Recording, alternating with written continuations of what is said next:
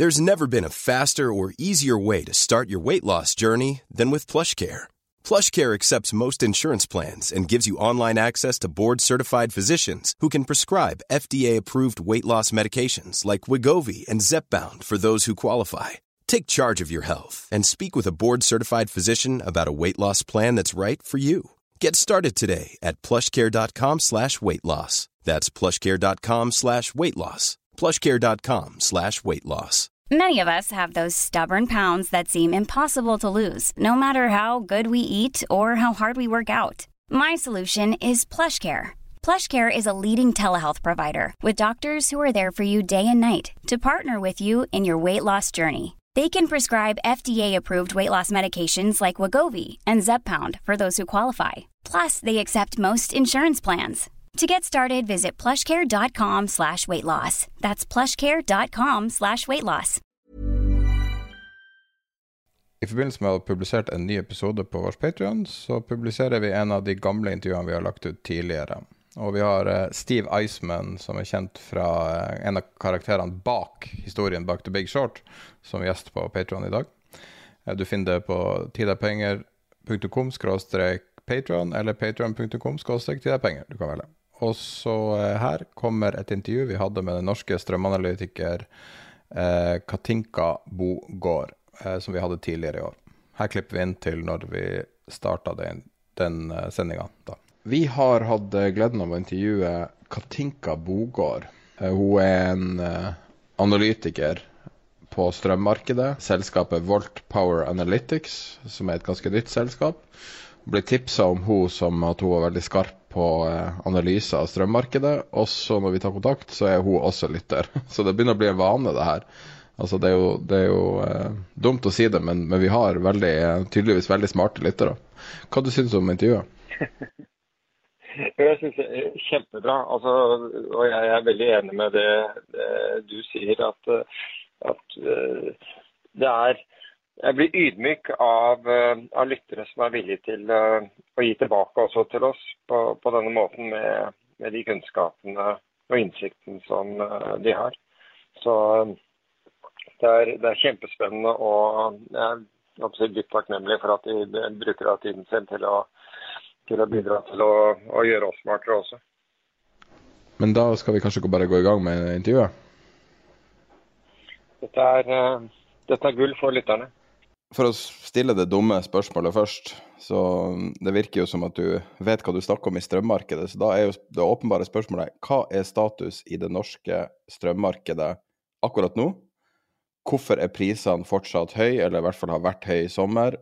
Og, og hva forventer du i vinter? Ja, jeg starter med status akkurat nå. da. Eh, nå man jo, ser man jo veldig store prisforskjeller internt her i landet. Eh, NO1 og NO5 de er jo betydelig lavere enn NO2, og så har man NO3 og NO4 som også har eh, litt andre priser. Og man ser jo hovedsakelig kanskje mest interessant eh, NO1, NO5, NO2. Det er jo egentlig det man kaller Sør-Norge. NO1 er jo da Oslo-området og NO5 Bergensområdet. Og NO2 eh, Rogaland, Sørlandet og Telemark. Og det er egentlig ganske uvanlig at det er så store prisforskjeller som man ser nå internt mellom disse tre områdene. fordi vanligvis om, kan de jo omtales som, som effektivt sett har ganske like priser. Um, men nå etter hans så de nedbørsmengdene som har vært, så har egentlig NO1 og NO5 eh, ganske høye, eller veldig, veldig høye, i hvert fall NO1, um, fyllingsgrad. Eh, som betyr at de ikke helt har kontroll og må tappe eh, vannet. Og da får de ganske lav pris, eller veldig lav pris, da, eh, fordi de rett og slett ikke har kontroll. Så når de Nå er det vel 100, litt over 100 fyllingsgrad, holdt jeg på å si. Eh, og når det faller da ned mot 90% igjen, så kan man forvente at NO1 får kontroll på vannet sitt. Så det er, blir en periode nå fremover hvor NO1 og NO5 ligger betydelig lavere enn NO2, fordi NO2 er så tett kobla mot kontinentet og Eh, altså Tyskland, UK, de prisområdene som er, ligger ganske mye høyere enn oss pga. gassprisen. Eh, og de i tillegg har 75 fyllingsgrad, eh, som er jo betydelig høyere enn i fjor. Da var den på 50 ca. Altså nå, for et år siden. Så vi ligger godt an til vinteren, men eh, Eller mye bedre an til vinteren enn vi gjorde i fjor. Men vi har fortsatt ikke Vi har jo ikke fått, eller NO2 har jo ikke fått de samme nedbørsmengdene som de områdene litt lenger nord Og så har man jo litt stikk, ikke stikk motsatt, da, men en litt annen situasjon i nord. Der er det jo eh, lavere fyllingsgrad i år enn det var i fjor, som har jo gjort at prisen er høyere. Men de er selvfølgelig også ikke i nærheten av sør, altså NO2-prisområdet.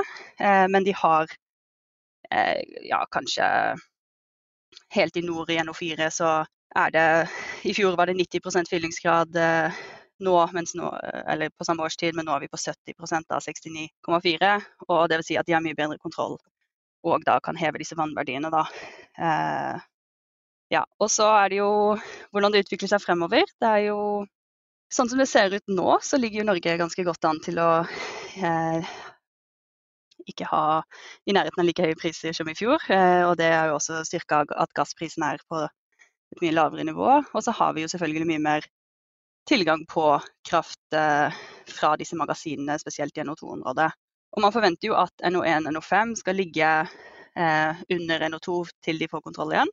Eller NO1 får kontroll. Og, eh, men når vi går mot kaldere tider, sånn som det ser ut nå, så har vi faktisk såpass mye vann i magasinene i Sør-Norge at vi vil ligge kanskje litt høyere opp fra der vi er nå på spotprisene. Så kanskje 75-80 eh, øre per kilowattime. Da. Eh, og det er jo selvfølgelig gitt at vi ikke får noe sjokk i systemet, vi ikke får noe gassprishopp er, eller CO2, eller at noe endrer seg betydelig, eller at man, eh, ja, noe annet uforutsett skjer, og at vi har eh, iskald vinter, og, og eh, Tyskland har et veldig, veldig stort behov for gass til oppvarming.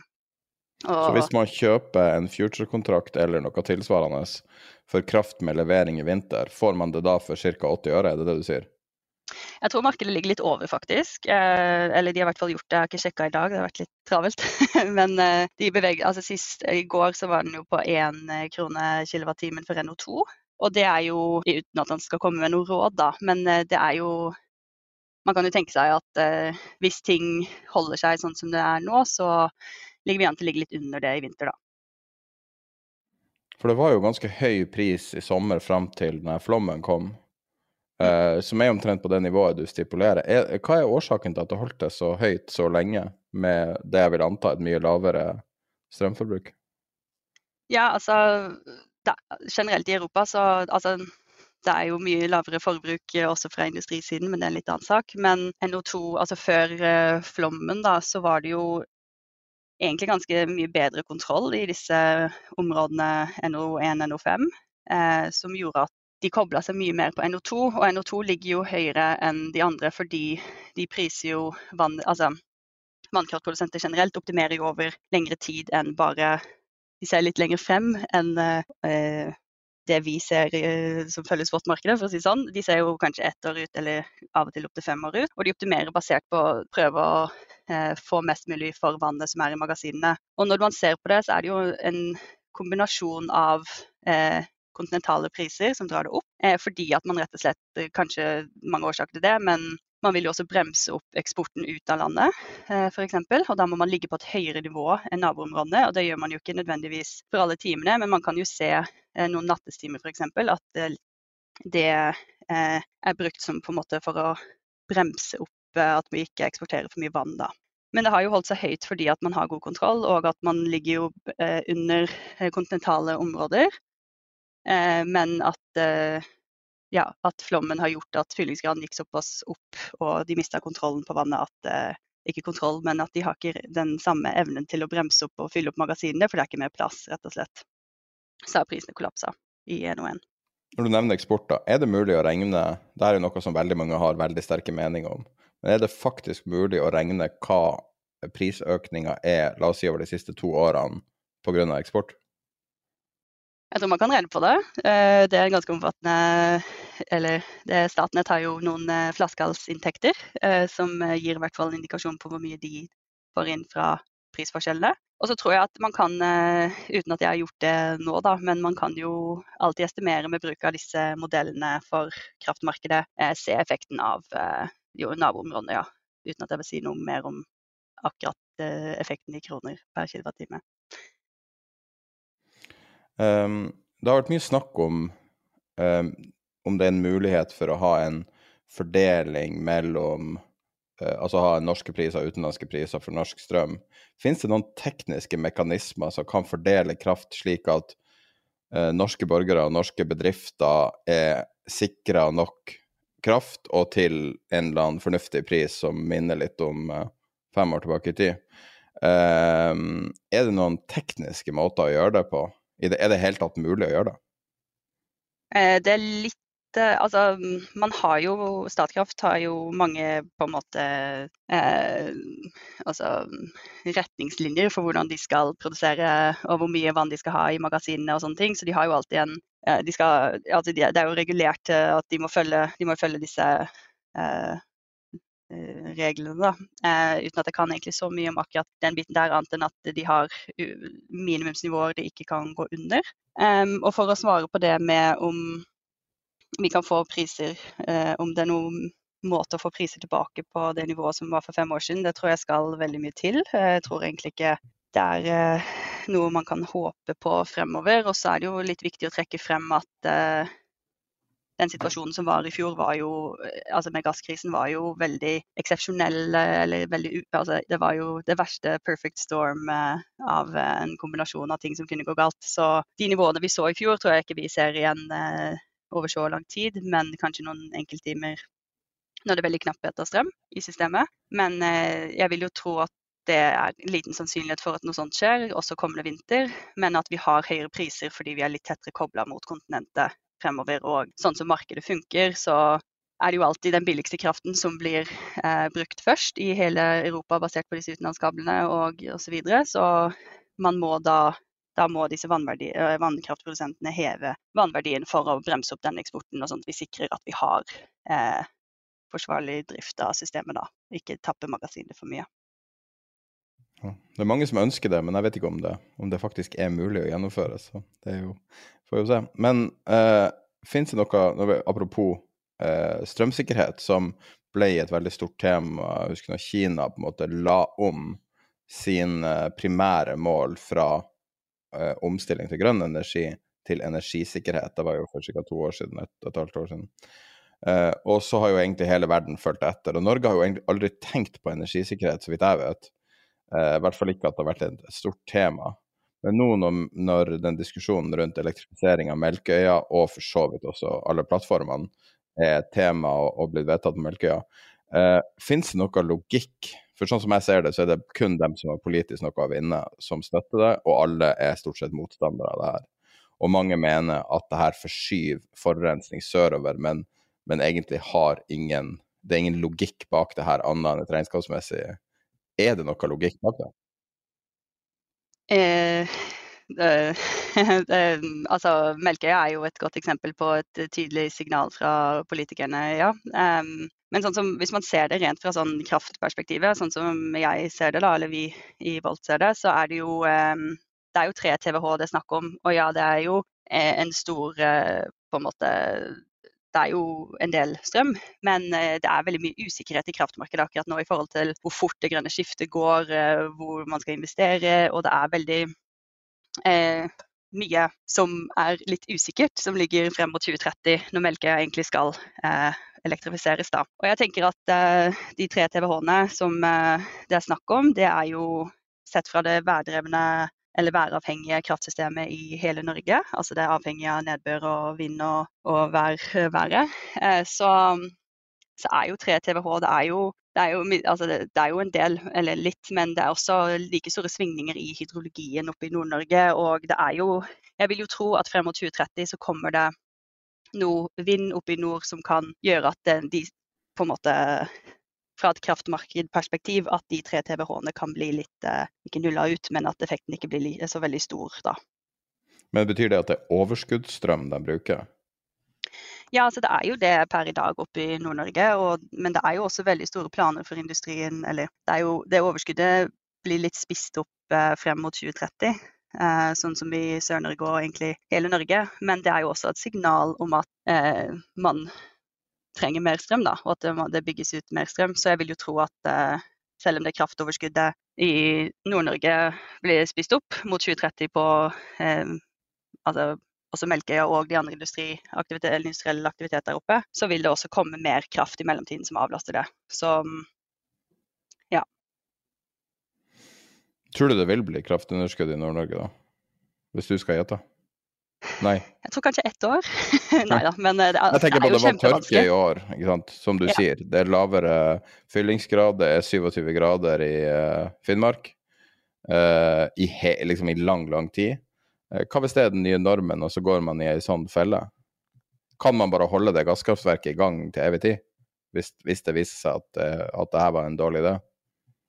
Altså det er usikker på drift eller hvor lenge de kan holde på sånn som oppsettet er i dag. Men eh, jeg tror altså det er jo for å redusere klimautslippene man skal elektrifisere Melkøya for å holde den eh, effektiviteten oppe på eh, kompresjons, kompre- kompresjon av gass. Så jeg tror at altså kraftoverskudd i Nord-Norge, det ja, det Kraftunderskudd, var det. Underskudd, ja. Sorry. Eh, det, jeg tror ikke det nødvendigvis er Melkøya som eh, bidrar til det. Det er mye, eller det bidrar til det, men jeg tror ikke det er det som gjør at det knekker der oppe. Jeg tror også det vil komme en del eh, altså det, Nå er det nylig altså Onshore vind har jo blitt uh, trukket ut som et godt alternativ oppe i Nord-Norge. Det er faktisk uh, noen kommuner, kommuner som er veldig positive til det. Uh, og det kan være en måte å bygge ut Det er jo det billigste å bygge ut per dags dato eh, av eh, alternativene på storskala nå. Eh, så jeg tror det vil bli eh, Det vil på en måte komme før 2030 eh, for å unngå kraftunderskudd. Men det, det blir nok mindre overskudd enn det har vært. Men det vil ikke nødvendigvis si at det blir underskudd. Er Norge i ferd med å få én systempris? Altså vil den, de overføringskablene innad i Norge Jeg ser i Sverige så er det identisk pris nå i dag på alle områder, som indikerer at de har ganske god utjevning i de kablene. Vil det samme type situasjon bli i Norge i løpet av eh, fem-ti år? Norge har ikke altså Per dags dato så har jo mellom nord og sør i Sverige de har eh, betydelig mye mer enn Norge kommer til å ha sånn som det ser ut eh, fremover. Så de, Norge har egentlig veldig begrensa kapasitet mellom nord og sør. Det har vi jo hørt veldig mange ganger at det er forklaringen på prisforskjellene. Men eh, det er veldig lite dårlig forbindelse, eh, og det skal forsterkes. Så det vil nok på en måte, det vil jo føre til at man får tilgang til den billige fornybare kraften oppe i nord, men det vil aldri sånn, tror jeg da eh, komme av Altså vi vil ikke få samme pris i Norge av utenland, eller mer kabler mellom områdene, men kanskje heller at det bygges ut mye mer forbruk oppe i nord, eh, eller mer forbruk som gjør at det kraftoverskuddet blir spist opp. Det sitter jo en sånn bitcoin-fabrikk og terroriserer i en, et lite sted. Uh, oppe i uh, om det er Lofoten eller hvor det er. Eh, Så, og den bruker 70% av strømmen der. Så det virker jo som at det er vilje til det. vi vi hører snakk om at det kommer ny industri i Nord-Sverige, og at vi har jo en overføring mellom Nord-Norge og Nord-Sverige, og egentlig gjennom hele Sverige og Norge er det overføringskapasitet. Vil det tappe hele Skandinavia? Vil det også ta eventuelt av, av eventuell overskuddsstrøm? Eller hvordan vil den dynamikken endre priser og marked og sånn? Ja, altså For å gi litt kontekst, så har jo Nord-Sverige, altså SE1, SE2-området, de har eh, veldig Altså i dag, i 2023, de har jo altså ca. 58 TWh i kraftoverskudd. Det er solid. Eh, men så har de en veldig god forbindelse mellom nord og sør, så veldig mye av den kraften blir jo frakta ned til eh, de store byene i sånn Stockholm og også i sør, og sørover i Sverige. Um, og sånn som, altså Det kommer ny industri opp i, opp i nord i Sverige også, men det er faktisk en del endringer i selve markedet. Man ser nå, sånn som Finland har jo gått fra å være veldig avhengig av import fra Nord-Sverige, eh, til at de har fått Olkiluoto 3, og så har de hatt veldig veldig høy vekst i eh, vindkapasitet. Og de skal fortsette å bygge ut i to år til. Så de skal få mer tilgang på fornybar kraft. De har billig kraft fra dette veldig forsinka Olkiluoto 3, eh, som har ført til at de har blitt selvstendige, og da er det mer overskudd av kraft i Nord-Sverige som har også på en måte påvirka tilgjengeligheten av eh, billig kraft oppe i nord, eh, altså Nord-Norge og Nord-Sverige. Så jeg vil jo tro at altså, det er så mye som skjer eh, av sånne nye Altså hvor den nye produksjonen kommer inn, sånn som i Finland. Det, altså, det har jo endra hele dynamikken. Og eh, Nord-Norge vil nok få mer fornybar kraft fra Nord-Sverige fremover. Det, men uten at selv om, altså selv om, de bygger ut en del industri, så oppe i Nord-Sverige så vil det alltid De går jo mot å ha et kraftoverskudd frem mot 2050 på altså 30 TWh, 31. Og det er jo til sammenligning per dags dato så har jo Sør-Norge, altså NO2, eh, Rogaland, Sørlandet og Telemark de har kanskje 32 TWh i forbruk, så de har et stort overskudd der oppe fremover. Og det vil jo tiltrekke seg industri. Uh, du må ta, Beklager at jeg stiller deg mange ting som er politisk ampert. Jeg stiller det her som en upolitisk spørsmål, altså så i likhet med, med Melkøya og andre, bare teknisk sett. Uh, hvordan hadde markedet vært annerledes hvis vi hadde hatt atomkraftverk i Norge? Atomkraftverk? Ja. ja. Eh, altså det er jo en stabil og billig tilgang på altså den, Det er jo baseload-produksjon. Man har jo Jeg husker ikke akkurat eh, marginalkostnaden på det. På kjernekraft eh, jeg tror det er eh, mye lavere enn eh, åpenbart enn de andre. Men sånn som utenom fornybart. Men sånn som man ser, for å dra det litt mot Finland, da, de har jo vært nettimportør av strøm eh, frem til nå. Og det er fordi at den, det kjernekraftverket selvfølgelig det er jo et gigantisk anlegg, eller det er stort. Eh, og kobla sammen med veksten i fornybar, både eh, vind og en del sol også, eh, så har jo det gjort at de er netto eksportør av strøm nå de siste månedene. Så det er jo eh, gitt at forbruket ikke vokser veldig, veldig altså mer enn den, det kjernekraftverket hadde uh, strøm til Norge, så kunne det ha hatt en, en dempende effekt på prisen. Så du at Finland er veldig... nettoeksportør nå? Ja, de, siden mai uh, så har de i hvert fall vært marginalt uh, nettoeksportør, men tidligere så har de vært veldig, eller en del avhengig, eller avhengig av en del import, import til landet. da. Fordi at Grunnen til at jeg bare skulle dobbeltsjekke, er at prisen i Finland akkurat nå i henhold til Nordpol er ti ganger det det er i resten av Skandinavia, eller ekskludert Danmark. Så Sverige og Norge har ca. en tiendedel av prisen, og så har du tilsvarende pris i Estland, Latvia, Litauen, og så blir det litt grann moderne, eh, uh, forbedring i Polen og, og, ned mot Tyskland. Men eh, det virker jo som de har, altså de har jo høy strømpris på vinteren også nå.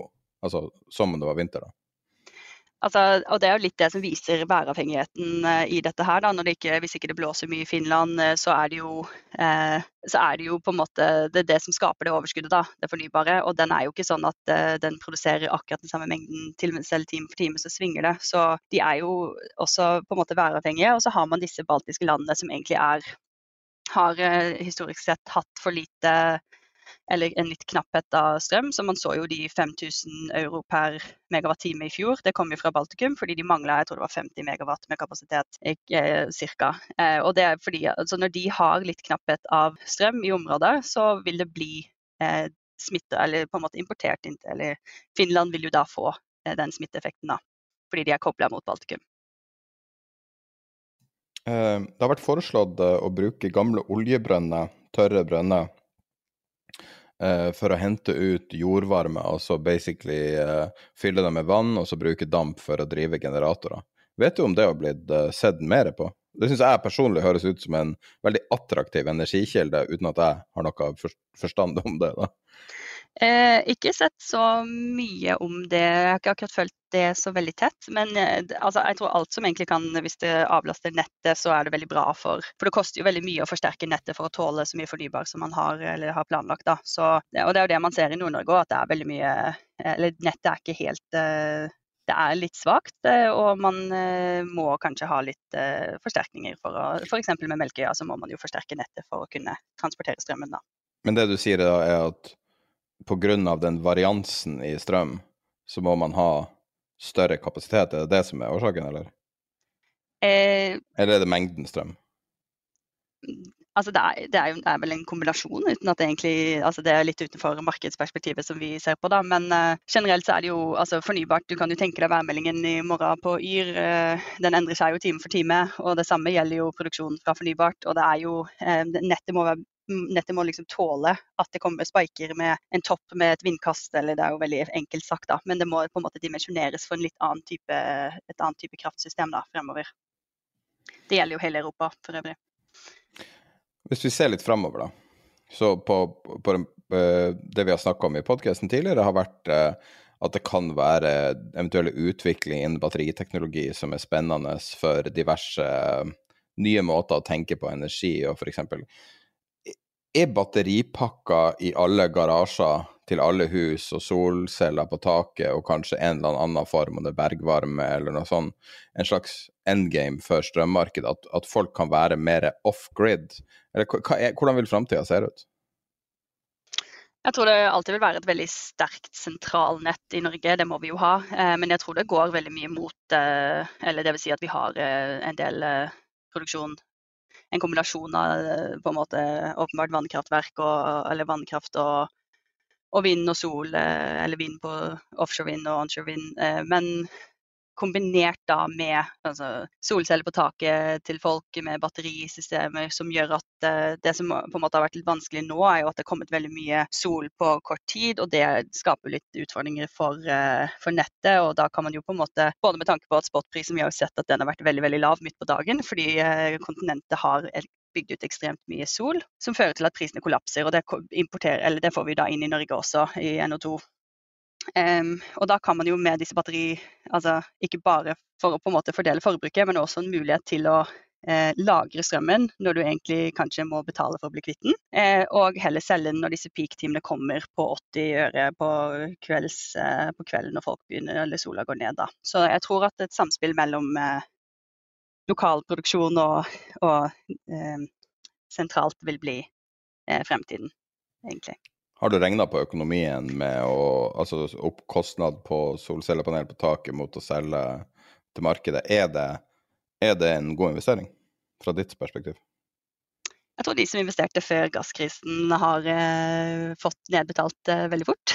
Eller ikke nødvendigvis alt, men det gikk mye raskere enn da de kanskje investerte i, i det anlegget. Ikke at det nødvendigvis var så mange av de, men eh, jeg, altså, det er jo det som blir fremover, er jo at det blir veldig volatilt. Eh, og det som ofte er litt vanskelig med akkurat å regne på det og komme med et veldig tydelig eller conclusive svar på det, er jo at eh, om det er sol på kontinentet, og vi har sol, vi har sol samtidig som de, på en måte, og du produserer, og det er negativ eh, eller lave priser konsekvent, så er jo det selvfølgelig eh, Så må det jo til med batterisystemer eller sånne virtuelle Altså at du blir enig med en av de strømleverandørene om at du har en sånn eh, solbank hvor du kan selge den produksjonen seinere. Altså det kommer nye løsninger. Men akkurat nå så Jeg har ikke regna på det nå, men med de prisene som er, eh, hvis man Altså spot-prisene, så ja. Eh, litt usikker, faktisk. Um, et siste spørsmål her, jeg vet at du må gå snart. Så er det noe i strømmarkedet sånn fra eh, spesielt markedsperspektiv, jeg vet at du jobber med det, som du skulle ønske folk fokuserte mer på, eller i det hele tatt, men som blir ignorert av sånne som, som oss, som er amatører? Ja, det kunne jeg snakka en liten stund om, faktisk. Fordi at det, det, det egentlig, Jeg savner litt eh, kunnskap, eller at man på en måte har en arena for å lære om hvor komplekst det egentlig er med dette kraftmarkedet. Jeg vil jo si at eh, det er veldig mye kompleksitet som ligger bak stikkontakten, som folk på mange måter tar for gitt. Eh, det er et, ikke et sårbart system, men det er et system som krever veldig mye både altså, overvåking, vedlikehold, og det er eh, et kraftmarked som vi har i Europa i dag, er jo egentlig veldig på en måte samfunns... eller gunstig for eh, Europa. Og det tror jeg også er noe som eh, fortjener å få litt mer positiv oppmerksomhet. Man ser jo nå at eh, spotprisene i Sør-Norge har vært lave fordi vi har fått fornybar kraft eh, inn fra kontinentet. Og det har vært lave priser, og det svinger veldig. Og det kan føre til mye på en måte varierende strømregninger, for å si det sånn. Men eh, det er jo Vi kom oss gjennom gasskrisen som var i fjor, eller i, vinter, i fjor vinter. Og det er faktisk veldig bra jobba, eh, syns jeg. da. Så det, det, er veldig komplekst, og det er veldig vanskelig å forklare eh, på en eh, god måte så alle forstår det. Men det er også veldig eh, Det er en grunn altså tilbud etterspørsel. Når det er knapphet av strøm, så er det dyrere, fordi da skal vi egentlig forbruke mindre. Det er på en måte en god eh, på en måte struktur for at det ikke for at vi ikke skal ha blackouts. Og da for å være litt ekstrem liksom, det, er jo, ja, det er jo en grunn til at man har satt prisen etter det i standardøkonomiteorien med tilbud etterspørsel. Da. Langt svar. Så mer, mer, kunnskap, det er jo det tid der penger egentlig handler om, enn om markedet. Så litt samme mm. formål. Mm. Men tusen takk for at du stilte opp, og det var eh, på kort varsel, men det var veldig informativt. Og det var det vi eh, så på, nettopp for å prøve å litt sånn egoistisk lære oss det her sjøl. Så blir det tilfeldigvis ganske bra innhold. Tusen takk. Ja, tusen takk for invitasjonen. Det var veldig gøy å være med.